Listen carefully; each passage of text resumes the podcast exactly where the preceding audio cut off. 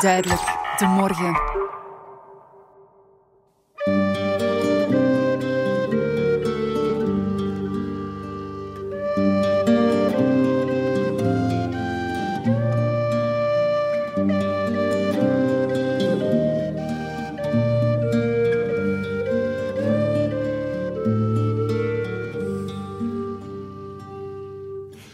Een van mijn favoriete kinderboeken ging over een egeltje dat niet kon slapen tijdens de winterslaap. Zoals elk jaar maakten zijn ouders, broertjes en zusjes zich klaar om een winter lang lekker onder de dons te kruipen. Maar het egeltje was niet moe. En terwijl zijn hele familie heerlijk lag te slapen, kon hij de slaap niet vatten. Hij lag maar te woelen in zijn bedje en voelde zich heel alleen, want ja, iedereen sliep. En zo bleef hij de hele winter wakker, wachten tot zijn familie uit bed zou komen. En ondertussen beleefde hij de gekste avonturen. Ik was een jaar of acht, denk ik, toen ik het voor de eerste keer las. En ik was erdoor gefascineerd, omdat het zo herkenbaar was voor mij. Ook ik lag vaak wakker in bed, terwijl mijn ouders, broer en zus al lang naar Dromeland waren vertrokken. En dat gaf een gevoel van eenzaamheid, want in tegenstelling tot het egeltje beleefde ik s'nachts geen toffe avonturen. Ik lag gewoon te wachten tot de slaap kwam en dat duurde soms een eeuwigheid. Intussen zijn we een goede dertig jaar verder en ben ik nog altijd een slechte slaper. Nochtans heb ik veel slaap nodig, dus dat is geen goede combinatie. Het zorgt zelfs voor extra slaapstress. Vooral inslapen is moeilijk omdat mijn hoofd geen rust vindt en ik blijf het lastig en zelfs wat akelig vinden om wakker te liggen. De nachten voelen dan zo donker en zwart. Gedachten tollen door mijn hoofd en het lijkt wel alsof ik de enige ben op de hele wereld die klaarwakker in bed ligt. En dan denk ik weer: wat is er mis met mij? Waarom slaapt iedereen zo goed behalve ik? Maar is dat ook zo? Ik vroeg dan gedragstherapeut Wilfried van Kraan. Daar ben je inderdaad absoluut niet de enige in. Ik geef ook een cursus Beter slapen, noemt die. Hè? En ik begin die cursus altijd met een teleurgesteld gezicht. En ik zeg dan van, goh, ik had eigenlijk toch wat meer volk verwacht. En dan haal ik een krantenbericht boven en daar staat op, de helft van de Vlamingen kent slaapmoeilijkheden. De helft? De helft van de Vlamingen kent slaapmoeilijkheden, zei dat krantenbericht. Dus ik had iets meer volk op mijn cursussen verwacht. Ja, ja. maar het is een beetje overdreven. Het is een beetje overdreven. Je moet gradaties kunnen aanbrengen in de intensiteit en de complexiteit van het slaapprobleem.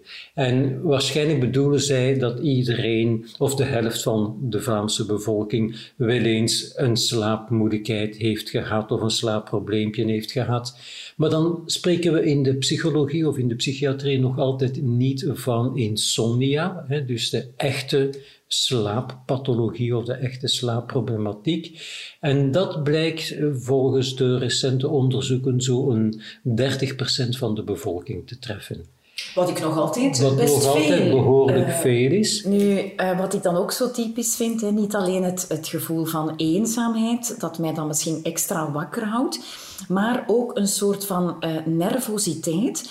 Want ik heb bijvoorbeeld in mijn hoofd gestopt dat ik toch 8 à 9 uur slaap per nacht nodig heb. En als ik dan zo wakker lig of niet in slaap geraak, dan begin ik te tellen. dus dan zie ik van, oh nee, nu kan ik nog maar 7 uur slapen. Nu kan ik nog maar 6 uur slapen. En dat wordt dan een soort ja, paniekreactie, is nu veel gezegd. Maar er komt een moed op die uh, slaap te staan. En dat maakt het alleen nog maar erger. Dat is de fameuze masturbatie, waar we het in de vorige aflevering van onze podcast hebben over gehad. Dat jezelf wijsmaken dat het moet dat je nu onmiddellijk inslaapt, want je moet je negen uur gehad hebben. En jouw verhaal laat eigenlijk prima toe van even de complexiteit van het slaapprobleem te situeren. Want dat situeert zich in een soort van vicieuze cirkel die je nu al aan het duiden bent. Namelijk ja. hoe dat jouw gedachten en de slaap, dat een fysiologisch gegeven is, hoe dat die elkaar beïnvloeden. En eigenlijk is de vicieuze cirkel nog een beetje groter.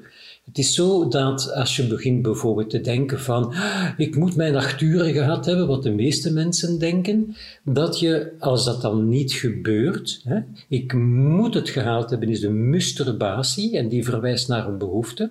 En als dat niet gebeurt, een behoefte die ingevuld wordt, dan kom je in een soort van alertheid. Want de situatie wordt bedreigend. En die alertheid, die ook een fysische spanning inhoudt, die is niet compatibel, niet verenigbaar met de slaaprespons. Ah nee, want dat is rusten. Ja. En in ons centrale zenuwstelsel kennen we twee responsen. We hebben een activatierespons, die maakt dat we bij de pinken zijn in het dagelijkse leven, dat we adequaat ons werk doen, dat we uh, veilig met de auto rijden, dat we dit gesprek kunnen voeren op een spitse manier enzovoort.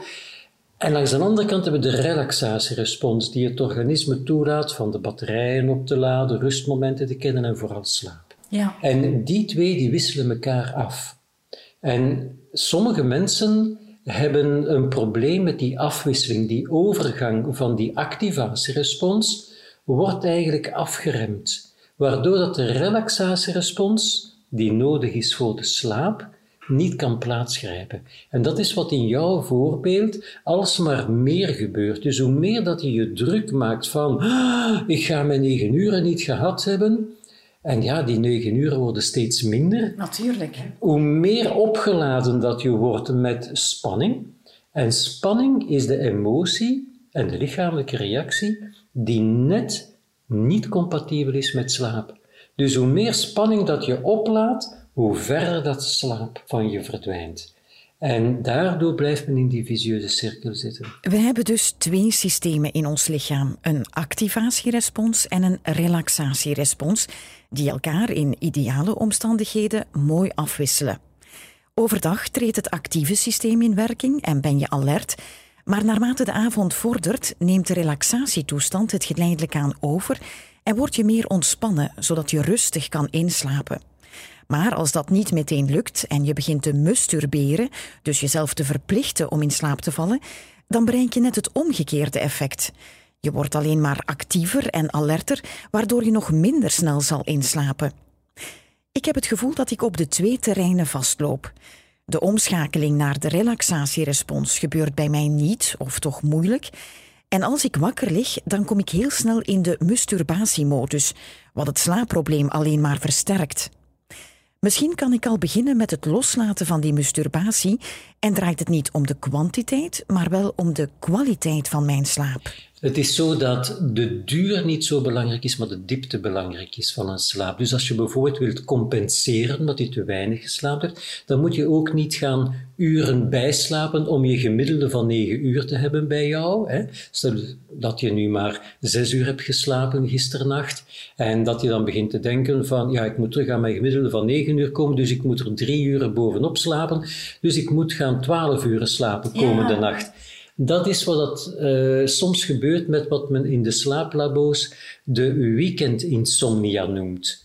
En de weekendinsomnia gaat wat in die richting. Uh, mensen gaan op zondag bijvoorbeeld het heel rustig aan doen. En geen te drukke activiteiten en, en, geen te veel fysieke inspanningen. En goed gaan eten bij de ouders op de middag en misschien bij de schoonouders nog een keer s'avonds. En op tijd in bed, 9 uur 30, 10 uur.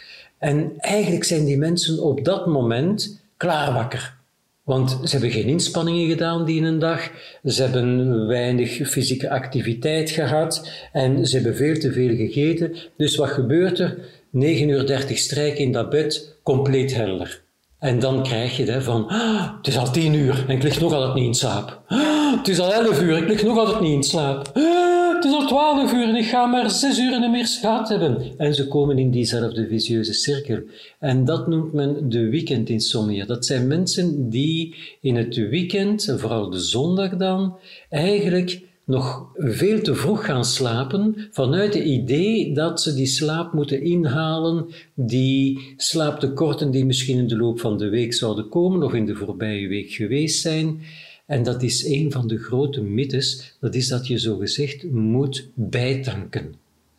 En een tweede mythe, en dat is eentje wat de meeste mensen onder lijden, dat is de acht uren mythe.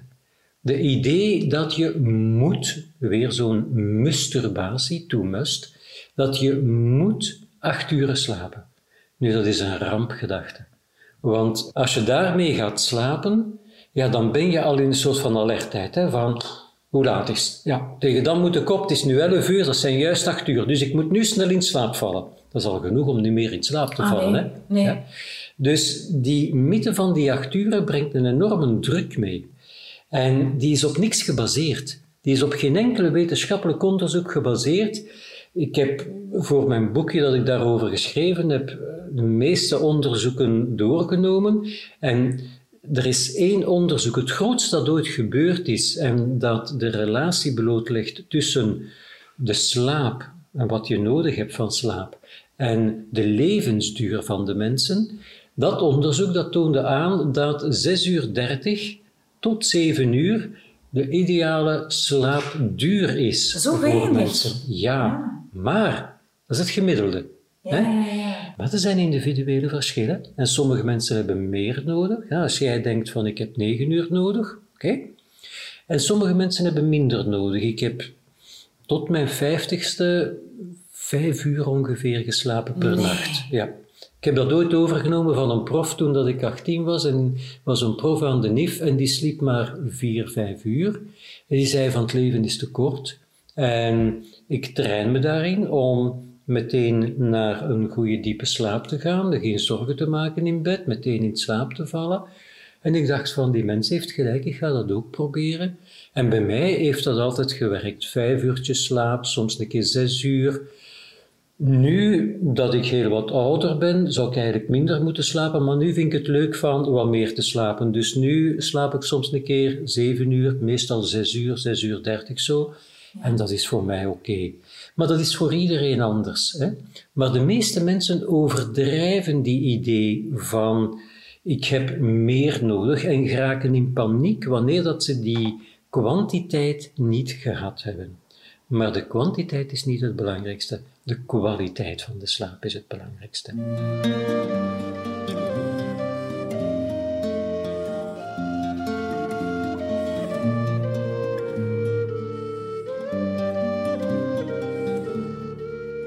Redenering volgde ik uiteraard wel.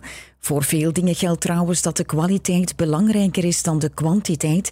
Maar hoe zorg je voor die kwaliteit? Het is al moeilijk genoeg om meteen in te slapen. Laat staan dat ik ook nog ergens een knopje kan indrukken dat zegt: nu graag de diepe slaap. Dat zou pas handig zijn, maar helaas heb ik dat niet. Dat kan je ook niet. Hè? Het enige wat je kan doen is de fysiologische condities realiseren opdat de slaap optimaal zou optreden. En die fysiologische condities, die zijn de relaxatierespons op de voorgrond laten komen, de activatierespons op de achtergrond. Dus die alertheid, dat op qui vive zijn, dat scherp staan, dat heel nuttig is overdag, dat moet heel geleidelijk aan kunnen stilvallen om naar de achtergrond te gaan en de relaxatierespons op de voorgrond te laten komen. Dat is eigenlijk een, een, neurologische switch tussen de sympathische activiteit in onze hersens en de parasympathische activiteit. En die switch die kan op verschillende manieren bereikt worden. Een klassieker is slaapmedicatie. De slaapmedicatie kan de dominantie van die activatierespons, van dat alert zijn, van dat scherp staan, van dat kopje dat maar blijft draaien, van dat te doen stilvallen, waardoor automatisch die relaxatierespons wat meer op de voorgrond komt. Andere manieren, met minder bijwerkingen, zijn relaxatietechnieken of meditatietechnieken. Technieken die eigenlijk maken dat je tot rust komt in dat hoofd. Of dat je via relaxatietechnieken tot rust komt in het lichaam en daardoor ook in het hoofd. Dus goede relaxatiemethoden en goede meditatietechnieken kunnen helpen om die switch te maken, die overgang tussen dat alert zijn en dat loslaten en dat overgaan in die relaxatierespons de knop omdraaien, met andere woorden. En er zijn nog andere dingen die je kan doen, bijvoorbeeld een soort van overgangsrituelen. Dingen doen waardoor dat je geleidelijk aan stilvalt. Want vele mensen gaan vanuit een alertheid in het hoofd. Bijvoorbeeld, ze zitten nog op de computer van alles op te zoeken, of ze zitten nog naar het nieuws te kijken net voordat ze gaan slapen. En dat prikkelt bepaalde gedachtenstromen bij hen, en dat maakt hen weer alert en actief. En dan gaan ze meteen in hun bed liggen. Of, erger nog, ze bekijken die dingen in bed, omdat er een tv in de slaapkamer staat, of als ze hun laptop meenemen. Ehm, of omdat ze nog op schermpjes kijken op hun smartphone. Ja, dan maak je natuurlijk dat dat hoofd in die alertheidsmodus blijft. Terwijl dat je dan niet plotseling die knop kunt omdraaien naar die relaxatiemodus die de slaap nodig heeft om te kunnen optreden. Dus die rituelen die men kan doen, die overgangsrituelen, dienen om die knop heel geleidelijk om te draaien. En dat kan over een periode van een kwartiertje. Sommige mensen nemen een bad. Ah ja, om ook rustiger te worden. En ook om dat lichaam te ontspannen. Een bad, water, warm water, warmte ontspant. Hè? En anderen die luisteren naar rustige muziek. En nog anderen die lezen misschien een, een, een magazine, een tijdschrift. En nog anderen lezen misschien in een prettig boek, geen thriller natuurlijk, hè, maar in een aangenaam boek. En nog anderen doen hele banale rituelen, de luiken neerlaten of dichtdraaien, dingen klaarleggen tegen de volgende dag, waardoor dat je aan het afronden bent. En zo is het zinvol dat iedereen zo een ritueel heeft en soms liefst meer dan eentje dat naar elkaar volgt, waarbij dat je eigenlijk je dag afsluit en het hoofd stil kan vallen. En dat doe je voordat je in bed gaat. Ah, dus niet in je bed? Nee, liever niet in het bed. Omdat het bed hoort eigenlijk geconditioneerd te zijn aan de slaaprespons. Dus dat is heel primitief. Bed, slaap. En ook niet lezen in bed dan, want dat doe ik wel graag. Liever niet, liever niet. Kijk, al de dingen die ik ga zeggen van tips en tricks, lap ze aan uw laars wanneer dat je goed slaapt. Maar als je een slaapprobleem hebt, dan moet je je slaaptrein terug op de rails krijgen. En dat is niet zo evident. En dan moeten we teruggaan naar hele primaire wetmatigheden, zoals conditionering. Dus het bed moet terug geconditioneerd geraken aan slapen. Dat is echt zo'n idee van bed, hmm, slaap. Ja. Dus wat doe je? Je bandt alles uit die slaapkamer dat jou afhoudt van de slaap. Dus ook leuke dingen die mensen doen in hun slaapkamer. Ja, zoals dat jij zegt, lezen, maar sommigen kijken ook tv in de slaapkamer, beginnen nog hun mails door te nemen, kijken nog een keer op de WhatsApp-berichtjes of, of gaan op een of ander platform. Al die dingen die maken dat we weer die alertheid activeren, die activatierespons. Er is maar één ding dat je mag doen in bed, buiten slapen, dat is vrijen. Ja. Maar dat, is dan ook weer, ja, dat is ook weer een vorm van, als je dan ja, klaargekomen bent en, en, en het is fijn geweest, dat is ook loslaten. Hè? Dat is ook een hele fijne fysieke vorm van loslaten. En relaxatie. En, en relaxatie en rust. Maar toch zou ik, als ik een beetje streng mag zijn en je hebt slaapmoeilijkheden, dan zou ik al die dingen zoals wat dat voor jou werkt, zoals lezen in, in, in bed, dat zou ik dan buiten het bed doen. Ik zou dan in de zetel, eventueel met een knusdekentje of zo, gaan lezen. En dan, als je zo voelt dat je slaaptrein aankomt, want mensen moeten leren letten op hun slaapsignalen, de klop krijgen, zoals dat men zegt. Als je dat begint te voelen, dat je begint te geven, dat je ogen makkelijker dichtvallen, dat je behoefte hebt om horizontaal te gaan, dat je daar gehoor aan geeft. Hè? Dan moet je eigenlijk op die trein stappen. Dan moet je op de trein stappen. De trein komt langs. Hè? En dan moet je hem nemen.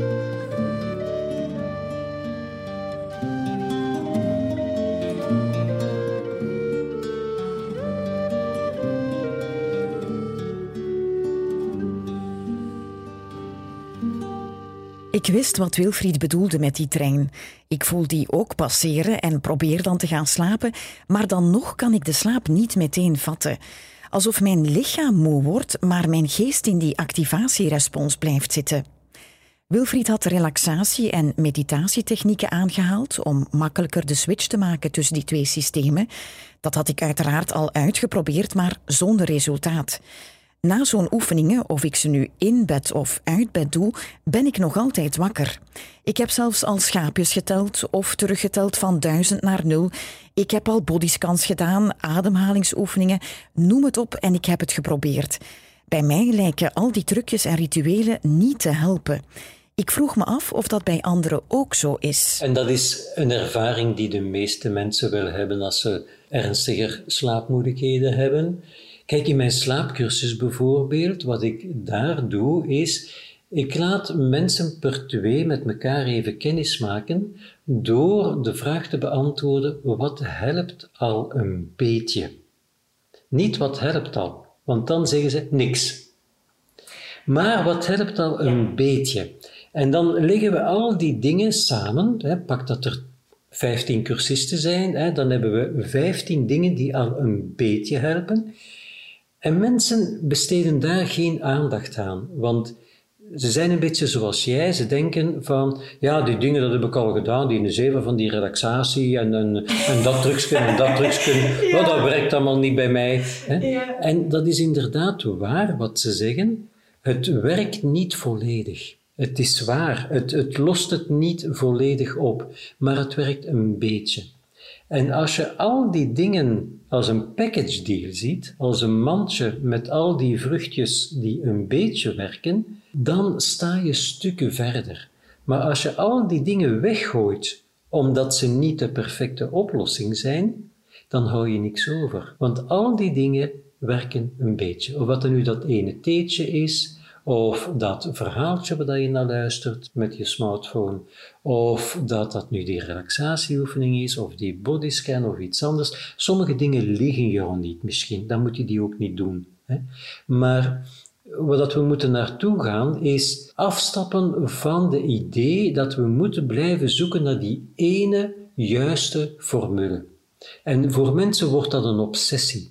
En hoe meer dat je daarmee bezig bent met dat te moeten vinden, want anders gaat het niet opgelost geraken, weer een nieuwe masturbatie, zolang dat je daarmee in je hoofd blijft, gaat het niet veranderen. Want die ene, echte, ware oplossing, helaas, ze bestaat niet. Ik moest Wilfried gelijk geven. Al die tips en technieken helpen wel een beetje. Ik heb bijvoorbeeld een goede meditatie-app gevonden en daar luister ik vrijwel elke avond naar. Ik val er niet mee in slaap, maar ik word er toch al rustiger van. Toch blijf ik, koppig als ik ben, op zoek naar dat ultieme slaapgeheim. Mijn mama en zus zijn supergoeie slapers, dus ik heb hen gevraagd wat zij doen om makkelijk in te slapen. De antwoorden waren heel eenvoudig. Mijn mama zei: Oh, ik begin te fantaseren over wat ik de dag nadien ga klaarmaken en na nog geen vijf minuten slaap ik. Mijn zus antwoordde bijna identiek: Ik denk aan welke kleren ik de volgende dag ga aantrekken of aan de kleren die ik graag zou willen kopen en binnen de vijf minuten slaap ik. Ik heb dan s'avonds in bed hetzelfde geprobeerd, maar ik werd er alleen maar wakkerder van. Ik vroeg Wilfried of hij dat kon verklaren. Dat kan ik me zeer goed voorstellen. Wat dat voor jouw mama en voor jouw zus werkt, werkt natuurlijk daarom niet voor jou. Hè? En wat jouw mama doet, is eigenlijk wel goed in die zin dat zij zich focust op aangename dingen. Zij kookt graag, meen ik te begrijpen. En zij kijkt al ernaar uit wat ze morgen gaat maken. En daardoor gaat zij op in de beleving van iets prettig. Maar dat is voor jou daarom dat koken niet. Maar mocht jij nu bijvoorbeeld kunnen opgaan in iets wat je heel prettig vindt, dat kan ook een plekje zijn dat je je voorstelt. Hè? En een, een plekje waar dat het voor jou zeer aangenaam is om te vertoeven. En je leeft je in in dat plekje. Dus niet denken aan, maar inleven in betekent dat je dat voor jou ziet. Dat je de typische geluiden hoort die je daar kent dat je die lichamelijke reacties uh, voelt van de zon op je huid of de wind in jouw gezicht. En dat je op die manier inleeft in een plek of een activiteit die voor jou ontspannend is. Alleen nog maar dat doen, dat zou inderdaad wel kunnen helpen om die activatierespons te laten stilvallen en die relaxatierespons op de voorgrond te krijgen. Je kunt ook focussen op de meest prettige plek in jouw lichaam. Ah. Ja, welke is de meest prettige plek? Wat, voelt het aangenaamste? Je kunt je ook focussen op je voorbije dag, op iets prettig dat gebeurd is die voorbije dag. Of een hele prettige herinnering aan iets ophalen. Maar wat dat jouw zus doet, beginnen te denken aan de kleren die ze gaat aantrekken enzovoort, kan bij anderen een omgekeerd effect hebben. Want misschien denk je dan van, ja, ik zou het liefst dat aantrekken, maar dan op die vergadering gaan ze misschien denken van, hmm, je ziet er toch maar een beetje hippieachtig uit hè, met die kleren. en dan begin je druk te maken van, zeg, ze moeten zich toch niet oordelen over mij. En voordat je het weet, zijn ze vertrokken in je gedachtegang en misschien eventueel een gepieker en een gemaal rond te denken wat andere mensen van u denken. Maar ik heb zo de indruk dat jij eigenlijk zegt van, niks werkt bij mij. Hè? Ja. ja. Het gaat een beetje in die richting. Hè? En dat is maar een constructie in je hoofd. Dat is geen feit, dat is een gedachte. En mensen verwarren vaak feiten en gedachten. En dat is wat je leert in mindfulness bijvoorbeeld, dat een van de, naast cognitieve gedragstherapie, de beste benaderingen is, vind ik, van emotionele moeilijkheden, maar zeker ook van slaapmoeilijkheden. Wat je daar leert, is dat onderscheid te maken tussen feiten en constructies in je hoofd. En dat die weet te zeggen, maar dat zijn maar gedachten. Dat is de realiteit niet, hè? Dat zijn maar gedachten. Ik ben mezelf een verhaaltje aan het vertellen en ik geloof daarin. Dat niks werkt, bijvoorbeeld. En uiteindelijk, wat je dan leert te doen, is gedachten te zien als, ah, wat dan we daar hebben ze. We ons druk te maken dat we niet in slaap gaan geraken. Allee, mannen, salu en de kost. Hè? Je ziet ze voorbij komen gelijk als wolken, die doemgedachten, maar wolken blijven nooit hangen en ze gaan heel geleidelijk aan aan je voorbij. Zo kun je ook in je bed naar je gedachten kijken. Alsof dat je op terrasje zit, denk ik, dat ik in de vorige aflevering heb verteld, en dat je kijkt van op jouw terrasje naar de mensen die passeren. En nu zijn het de gedachten die passeren, maar je valt er niet mee samen. Ik vind dat wel hier interessant, want ik heb dat onthouden van de vorige aflevering, maar ik heb nog niet gedacht om dat toe te passen op mijn slaapideeën. Want het is inderdaad een, een constructie en ik, ik had het ook heel graag als een van de thema's nu in Wat is er mis met mij? Omdat ik daar ook de constructie in heb van mijn slaapprobleem, dat is extreem en er klopt iets niet. Ik ben de enige die daarmee zit. Maar dat is ook een constructie. Dat is inderdaad ook een eh. constructie. Dat is, niet, dat is geen feit. Hè? En dat simpele ideetje van gedachten zijn geen feiten. Gedachten zijn maar constructies in mijn hoofd. Oh, dat was voor mij zo verhelderend toen dat ik kennis maakte met die cognitieve psychologie, die zei van niet de situaties maken uw leven lastig, maar uw gedachten over die situaties. Dat was voor mij een bom die insloeg.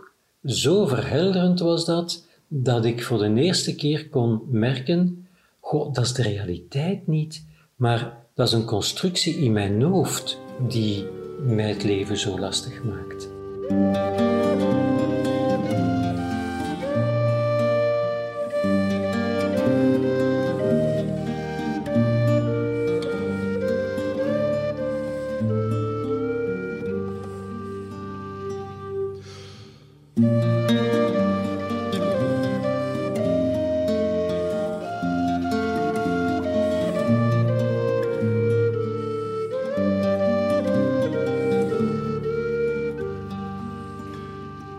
De vorige aflevering hadden we mindfulness en de insteek van de cognitieve psychologie uitvoerig besproken.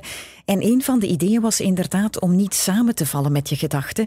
En dus in het geval van slaapmoeilijkheden niet te zeggen: ik kan weer niet slapen, maar er eerder naar te kijken van: ik heb weer de gedachte dat ik niet kan slapen. Ik ben weer aan mijn slaap aan het denken, maar ik kan evenzeer aan iets anders denken. Een ander inzicht uit mindfulness dat ook bij slaapproblemen kan helpen, is acceptatie. Dus aanvaarden dat je niet kan slapen. Dat vond ik toch niet gemakkelijk, maar Wilfried bracht een belangrijke nuance aan.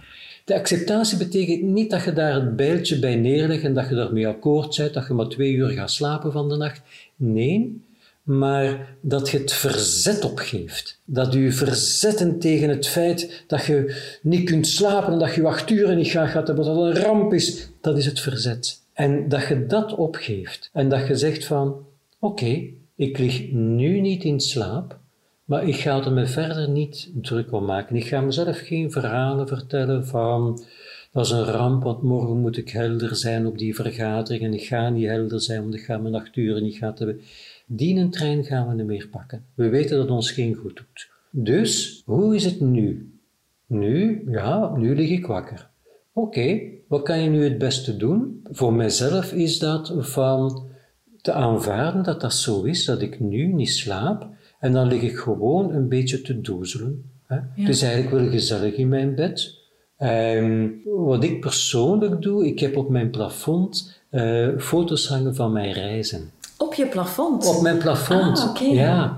En um, ik ken die ondertussen zo goed dat ik zelfs al, al is het donker, dat ik weet van, ah, daar hangt de foto van die plek in Afrika en daar hangt de foto van die plek en daar hangt die foto en dan pik ik er zo eentje uit en dan leef ik mij in op die plek. En dat is voor mij dan een manier om iets anders op de voorgrond te zetten dan mijn denken. Het inleven in iets. Dus ik hoor nu twee dingen, hè, van enerzijds toch proberen de focus te verleggen naar dat meer rustgevende, relaxerende.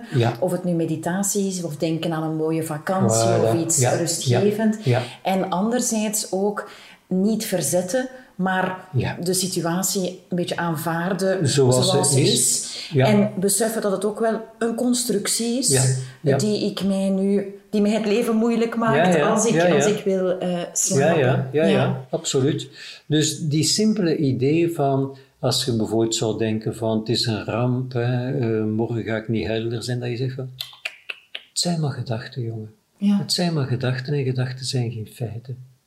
Of dat je je herinnert dat je nog eens weinig geslapen hebt en dat de volgende dag eigenlijk dat dat best meeviel. Ja, dat is waar, want die ervaring heb ik ook al. En ook al het omgekeerde, dat ik ja, negen uur had en, dat, ik de dag nadien super moe was. Ja, ja, uh, dat hangt ook af van je manier van focus. Als je de volgende dag opstaat en je focust op alles wat dat fout gaat en je zegt tegen jezelf, voilà, dat komt omdat ik te weinig geslapen heb, ja, dan wordt het alsmaar erger. Terwijl als je het omgekeerde doet en je zegt van, eh, om al vier uur geslapen te hebben, het valt nog best mee, vind ik. Die rit naar het werk en dat eerste contact met de collega's en mij focussen op wat ik op het scherm zie en die vergadering valt eigenlijk nog wel best mee. Dan kom je in een positieve loop terecht. Hè? En dan gaat het weer over de gedachten eigenlijk. En dan gaat het weer over de gedachten, maar jij bent baas over jouw hoofd. Dus jij kan kiezen welke gedachten dat je uit wil gaan. En het is de automatische piloot in jou, zoals men dat in mindfulness noemt, die vaak in de richting van angstige gedachten gaat. Ja. Het gaat niet lukken vandaag, want ik heb te weinig geslapen. En je gaat zien, ik ga me niet kunnen verdedigen op de vergadering, want ik sta niet scherp genoeg. Dat zijn allemaal anticipaties, vreesgedachten. En voorstellingen. Voorstellingen op basis van angst eigenlijk. Er zat zeker een sleutel in anders kijken naar slaap en dus ook de angst loslaten voor de gevolgen van te weinig slaap. Want als ik slecht geslapen heb, dan is er inderdaad angst. Gedachten als het gaat niet lukken vandaag en ik voel me niet goed en die maken het alleen maar erger. Toch zou ik nog altijd graag goed slapen en iets wat ik soms ervaar is dat ik me bij het inslapen niet kan overgeven aan de slaap. Ik voel dan plots de slaap opkomen ik voel me als het ware vallen in de slaap, maar op een of andere manier kan ik dan niet loslaten. Alsof ik erbij sta te kijken, maar me niet kan laten gaan in de slaap. Ook dat herkende Wilfried. Je staat te wippen op de springplank, maar je springt niet. Ja, exact. exact. en ik ga terug. Ja, en je gaat terug, ja. Wat je daar aan het doen bent, hè, mocht je dat kunnen filmen in jouw hoofd, is dat je op twee niveaus functioneert. Je bent aan het inslapen, dat is niveau 1 en het begint goed te gaan. Ja? En dan heb je een soort van innerlijke commentator of zelfs criticus. En die staat op balkon te kijken naar degene die aan het inslapen is en die geeft constant commentaar. Van uh, nu moet je inslapen, nu. Nu moet je springen van je springplank. Hè? Ja. En het gaat niet lukken, hè? je gaat zien, hè? het gaat niet lukken. Hè? En eigenlijk ben je in een soort van alertheid omwille van die innerlijke commentator in jou die aan het observeren is. Die is aan het observeren of dat je wel aan het inslapen bent en wat het allemaal wel goed loopt en die levert constant commentaar op. Die innerlijke criticus of commentator of observator, ja. of observator, die zou je eigenlijk moeten kunnen laten verdwijnen. En dat is niet zo makkelijk, want ja, die is een beetje eigen aan jou, die is dat vertrouwd van dat te doen, hè. die heeft ook positieve bedoelingen nooit gehad, maar die mag een beetje van het toneel verdwijnen, die mag wat naar de achtergrond gaan. En dat kan je doen door u meer te focussen op de lichamelijke sensaties. Door meer op te gaan in de beleving en dat observeren meer naar de achtergrond te laten gaan. Soms gaf ik aan mensen een heel klein fluo-stukje, een klein klein stukje van die, je kent die sterretjes dat ze op het plafond plakken in kinderkamers. Ja. Hè? Ik, ik scheur daar een klein topje van af en ik zei, plak dat op het plafond. En plak dat zo dat je daar naar kijkt als je naar het plafond kijkt en je doet het licht uit en je ziet dat. En dat is een beetje onregelmatig van vorm en je blijft daarop focussen, terwijl dat je tegen jezelf zegt van met elke uitademing word ik rustiger en rustiger. Of dat je tegen jezelf zegt mijn ogen worden moe, mijn oogleden worden zwaar. En ondertussen blijf je zo kijken, niet op een actieve, um, gespierde manier dat observeren van dat puntje, maar eerder een beetje zo van vloek kijken. En door op te gaan in die beleving van dat kijken, ga je geleidelijk aan over in de slaap. Alsof dat een kind een verhaaltje hoort dat hij niet helemaal uithoort en dat, waarbij hij met de slaaptrein mee vertrekt terwijl je dan het vertellen bent. En je wordt misschien een andere observator, want je kijkt naar dat Natuurlijk. lichtpuntje. Dus een observator die toch zijn job wilt hebben, die krijgt zijn job. Begrijp je? Ja, ja, ja. Of wat er nu is met dat lichtpuntje, of met een fantasie die je voorstelt van dat plekje waar ik het nog over gehad heb daarnet. Geef u een observator een job van een beleving. Eigenlijk opgaan in de beleving is altijd veel beter dan blijven hangen in denkprocessen.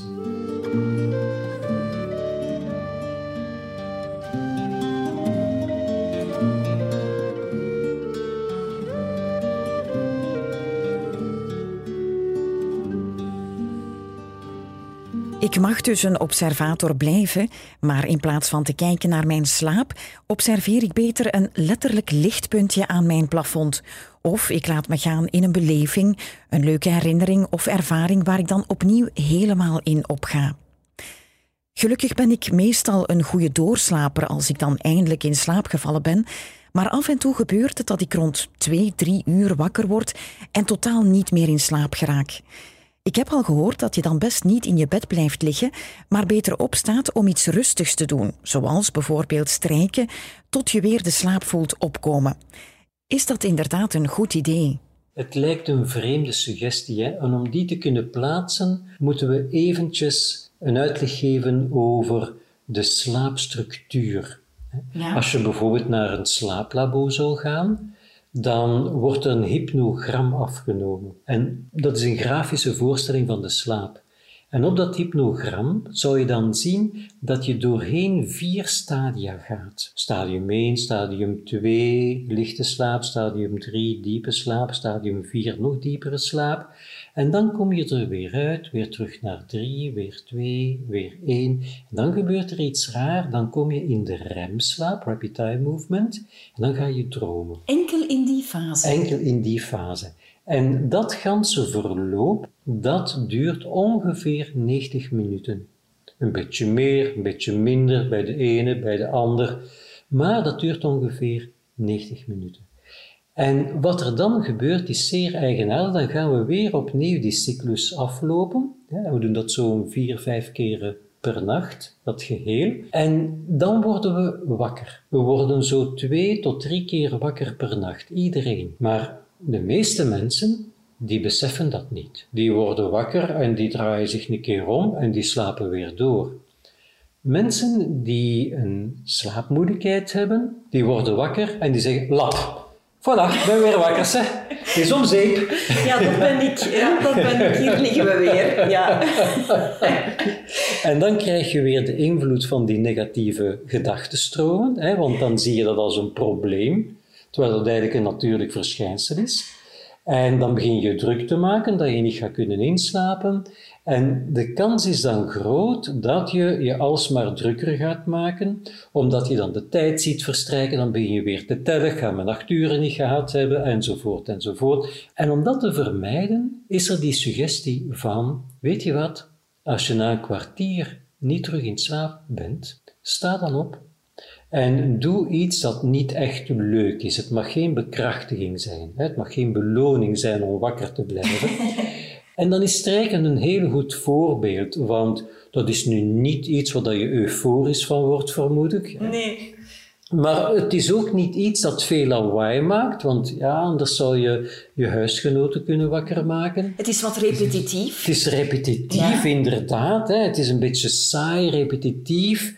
Dus in die zin is dat eigenlijk ideaal. Als je dat dan een uurtje zou doen, precies een uur, en je zou dan terug naar jouw bed gaan, of voordat je in je bed gaat in de zetel, en een kwartier lang een relaxatietechniek toepassen om weer die fysiologische conditie te realiseren opdat de slaap zou kunnen optreden, en je gaat dan in bed, of je doet die dingen in bed, desnoods, wat hebben we dan? Een kwartier in je bed gelegen, een uur gestreken en een kwartier in relaxatie. Aan hoeveel tijd zitten we? Ah, anderhalf uur, die 90, 90 minuten. En tjoek tjoek, onze trein komt terug langs. De slaaptrein komt om de 90 minuten. Dus dan komt hij net langs en dan stap je op en dan ben je vertrokken. Ja. ja. Dus dat is eigenlijk de reden. Mocht je dat niet doen, dan zit de kans erin dat je je alsmaar drukker zou gemaakt hebben in bed en alsmaar meer zou gaan piekeren zijn van wat is dat toch met mij en hoe komt dat toch? Want het nadeel van zo'n slaapkamer is dat je geen afleiding hebt. Dus dat is een ideale plek om u druk te maken in uw hoofd. Een ideale plek om te piekeren. En je ziet ook alle dingen zo zwart als dat maar zijn kan. Hè? Zo negatief als dat maar zijn kan. Dus dat is een, een ideale plek om u op te laden. En wat krijgen we dan? De activatierespons begint weer. En de relaxatierespons moet het onderspit helpen en we kunnen weer in slaap vallen. Die visieuze cirkel herkende ik en ik slaap net moeilijk in omdat ik voortdurend zit te malen in mijn hoofd. Er is altijd wel iets dat me bezighoudt, maar er zijn ook gradaties. Soms zit je echt met een moeilijk probleem, iets ernstigs, dat je letterlijk wakker houdt. En dan lijkt het nog moeilijker om in te slapen, alsof erge situaties je in je bed nog meer bezighouden dan erbuiten. Mensen nemen die dingen dan ook makkelijk mee naar bed. Zoals ik daarnet zei, in het bed is er geen afleiding en dus ga je volop beginnen daar die problemen proberen op te lossen in je hoofd. Mochten die problemen op te lossen zijn met je hoofd, dan was het al lang gebeurd natuurlijk. Ah, belangrijk inzicht. Ja, Dus dat nog een keer proberen op te lossen in je bed is zeker niet het beste idee. Maar the mind always returns to what is not resolved, zeggen ze zo mooi in het Engels. Die geest keert altijd terug naar datgene wat we niet opgelost krijgen. Dus wat kan je dan best doen voordat je gaat slapen? Je neemt een blad papier, je neemt een pen en je schrijft de dingen uit die jou bezighouden. En op die manier zeg je van oké, ik ga er alle aandacht aan geven nu. Ik ga daar tien minuten mee bezig zijn. Ik ga mijn probleem uitschrijven. Ik ga het bekijken langs alle kanten. Ik ga me daar tien minuten echt op focussen.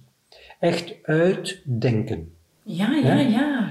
En als ik daarmee klaar ben, tien minuten, maar pas op, tien minuten lang aan één ding doordenken, dat is veel, hoor, dan rond je dat af. Het zal niet opgelost zijn. Het kan niet opgelost zijn, want moest het kunnen opgelost zijn, het zou opgelost zijn. En dan rond je af, dan zeg je van kijk, ik ben uitgedacht nu. En dan doe je je relaxatietechniek of je meditatietechniek of zo'n ritueel zoals dat we besproken hebben, een bad nemen of ik weet niet wat. Ja? En dan ga je slapen. En dan moet je niet meer in je bed je afvragen van hoe ga ik dat nu aanpakken en wat kan ik daar nu aan doen. Je hebt dat gedaan.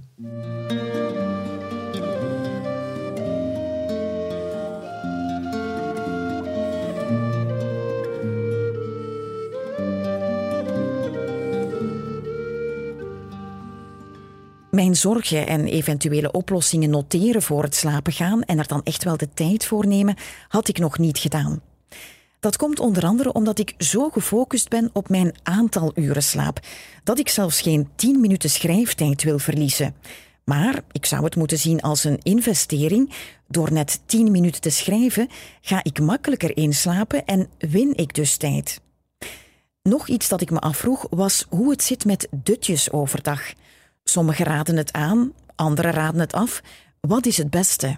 Slaap is iets dat geprogrammeerd wordt in de bovenkamer, neurologisch. En als jij daar wijzigingen in aanbrengt, als je overdag gaat slapen bijvoorbeeld, ja, dan zeggen ze daar in de controlekamer daarboven, tegen dat jij naar bed gaat, ja, maar we hebben het al gehad hoor. Ja, ja. Dus dat, dat is echt niet goed van overdag te slapen. Maar dat je wel kunt doen overdag, dat is een diepe relaxatie. En dat is niet slapen. En dat is niet slapen, maar dat, dat brengt wel die relaxatierespons op de voorgrond. Of een meditatie waarbij dat je makkelijker kunt leren loslaten. Dat zijn wel heel zinvolle dingen. En dat duurt ook niet lang. Dat kan tien minuten duren, dat kan een kwartiertje duren, soms vijf minuten. Daar heb je niet te veel tijd voor nodig, maar je verstoort het slaappatroon niet. Nee, nee. En daar zitten we dan terug waarschijnlijk aan dat oefening baart kunst. Als je overdag al af en toe een meditatie- of relaxatieoefening doet en dan nog eens s'avonds, gaat dat misschien ook altijd makkelijker en makkelijker gaan. Tuurlijk. Maar vooral ook de accumulatie van de stress en de spanningen couperen. Als je overdag één of twee keer vijf minuten neemt om je te ontspannen. En dan bedoel ik letterlijk de spanning los te laten uit je organisme, zowel in je hoofd als in je lichaam, via bijvoorbeeld relaxatie of meditatietechnieken.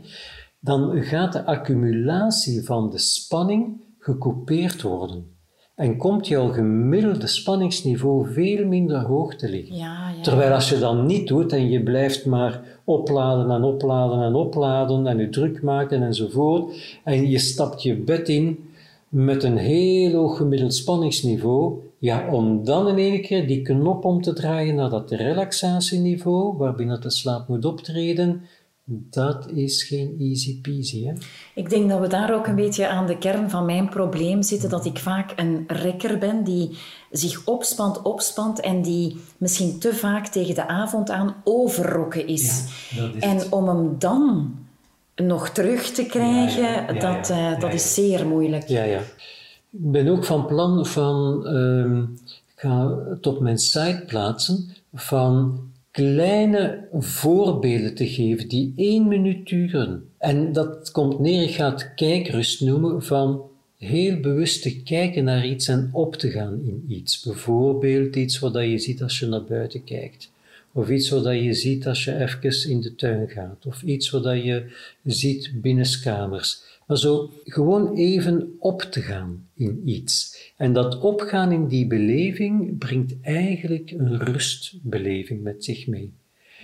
In dat centraal zenuwstelsel worden altijd dezelfde loipes gevolgd, altijd dezelfde circuits gevolgd, wat leidt tot uitholling. En wat we daar dan eigenlijk doen, is die circuits van analytisch denken, eh, probleemoplossend denken enzovoort, eventjes verlaten voor de beleving centraal te stellen, een activiteit in de rechter hemisfeer van onze hersens. En dat brengt eventjes terug wat evenwicht in ons systeem, in de verhouding activatierespons, relaxatierespons. En dat gaat ook maken dat je de spanning die je tot dan had opgebouwd, wat wegsmelt. Zodanig dat je terug lager begint met de accumulatie van de spanningen voor de rest van je dag. Dus een slaapmoedigheid kan je ook leren aanpakken gedurende de dag door de accumulatie van de spanning regelmatig te couperen. Oh, Bijvoorbeeld ook door sport, hè? ook door sport, maar niet net voordat je gaat slapen, want dat is dan weer een activatierespons. Hè? Maar bijvoorbeeld uh, repetitief bewegingssporten, zwemmen, fietsen, lopen, stappen, uh, al dat soort van dingen zijn zeer nuttig om te ontladen en hebben een slapenvorderend effect. Men vergeten vaak het lichaam. En dat lichaam, ja, dat heeft het ook nodig om die accumulatie van spanning los te laten. We denken vaak dat we alleen maar die spanning in ons hoofd moeten loslaten, maar we vergeten dat daar een lichaam. En slaap is in eerste instantie ook een lichamelijk neurologisch gebeuren. Dus we moeten ook niet vergeten dat dat lichaam ook zijn spanning moet kunnen loslaten overdag. Je moet niet wachten tot net voordat je je bed inkruipt om eventjes te ontspannen. Daar zat voor mij een gouden tip in. Mijn dag begint en ik jaag erdoor. Er is eigenlijk zelden een moment dat ik even deconnecteer. En dat verklaart natuurlijk voor een groot stuk waarom ik s'avonds zo moeilijk mijn activatierespons kan omzetten in een relaxatierespons. Het is dus een goed idee om mijn dagen wat te breken door bijvoorbeeld te gaan wandelen of door een korte relaxatieoefening te doen, want het zal mijn nachten ten goede komen. En ik wil echt alles doen om beter te slapen. Want een goede tien jaar geleden ben ik er mentaal onderdoor gegaan door chronisch slaaptekort. Ik kan bijna zeggen dat er daardoor een soort slaapangst is opgetreden, omdat ik absoluut niet wil hervallen. Maar die angst loslaten is heel moeilijk. Het is heel begrijpelijk ook wat je vertelt. Hè? Je wilt natuurlijk niet opnieuw hetzelfde meemaken dat je ooit hebt meegemaakt. Dus je bent daar alert voor op dat dat niet zal gebeuren. Maar als die alertheid een vorm van angst wordt, dan komt dat omwille van het feit dat je denkt dat je door die alertheid dat herval zou kunnen afhouden. En, dat is net, net het tegendeel. Ja, ja, begrijp het. Ja, ja. En dat is wat we vaak zien. Hè? Vaak hebben mensen een probleemoplossend gedrag dat het probleem vergroot. Hè?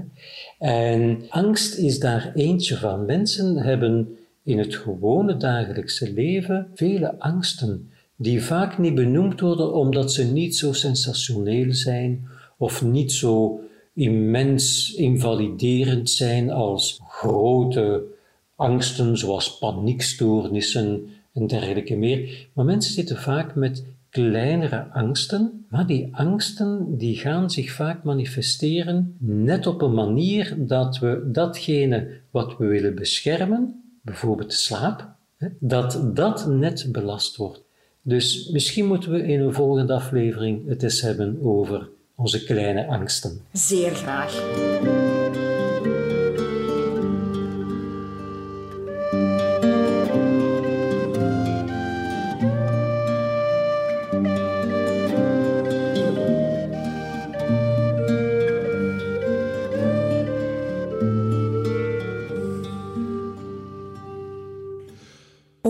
Houdt mij dus tegen om goed te slapen. In mijn geval is het echt bang zijn om niet te kunnen slapen, maar soms kunnen ook andere angsten je wakker houden. Kijken naar een griezelfilm voor je gaat slapen is een eenvoudig voorbeeld, maar er zijn ook veel andere, kleinere angsten die niet alleen je slaap, maar ook je levenskwaliteit beïnvloeden. En daar gaan we het dus volgende keer over hebben. Heel graag tot dan en slaap lekker.